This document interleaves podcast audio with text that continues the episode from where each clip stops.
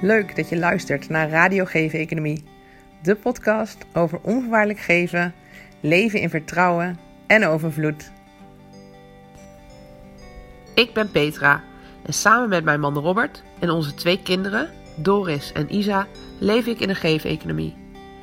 In de podcast Radio Geef-economie vertellen wij over onze levensvisie delen wij persoonlijke ervaringen en praten wij over hoe het is om in een systeem te leven dat uitgaat van vertrouwen, overvloed, samenleven en de natuur.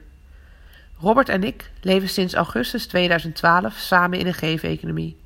Een samenlevingsvorm die gebaseerd is op onvoorwaardelijk geven en leven in vertrouwen en overgave.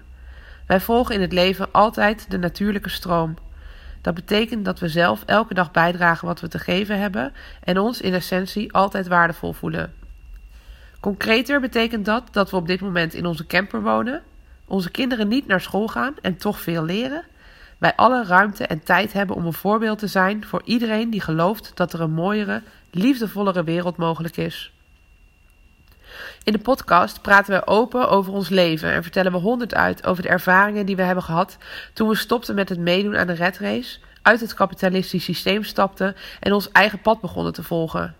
We zijn nu negen jaar verder en zien nog steeds elke dag de grote verschillen tussen geef-economie en het kapitalisme. Ook die verschillen zullen aan bod komen in deze podcast.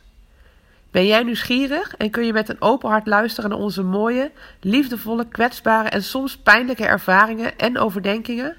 Ben je er klaar voor om je te laten meevoeren in een andere wereld? Een nieuwe wereld die voor iedereen mogelijk is? Oké, daar gaan we.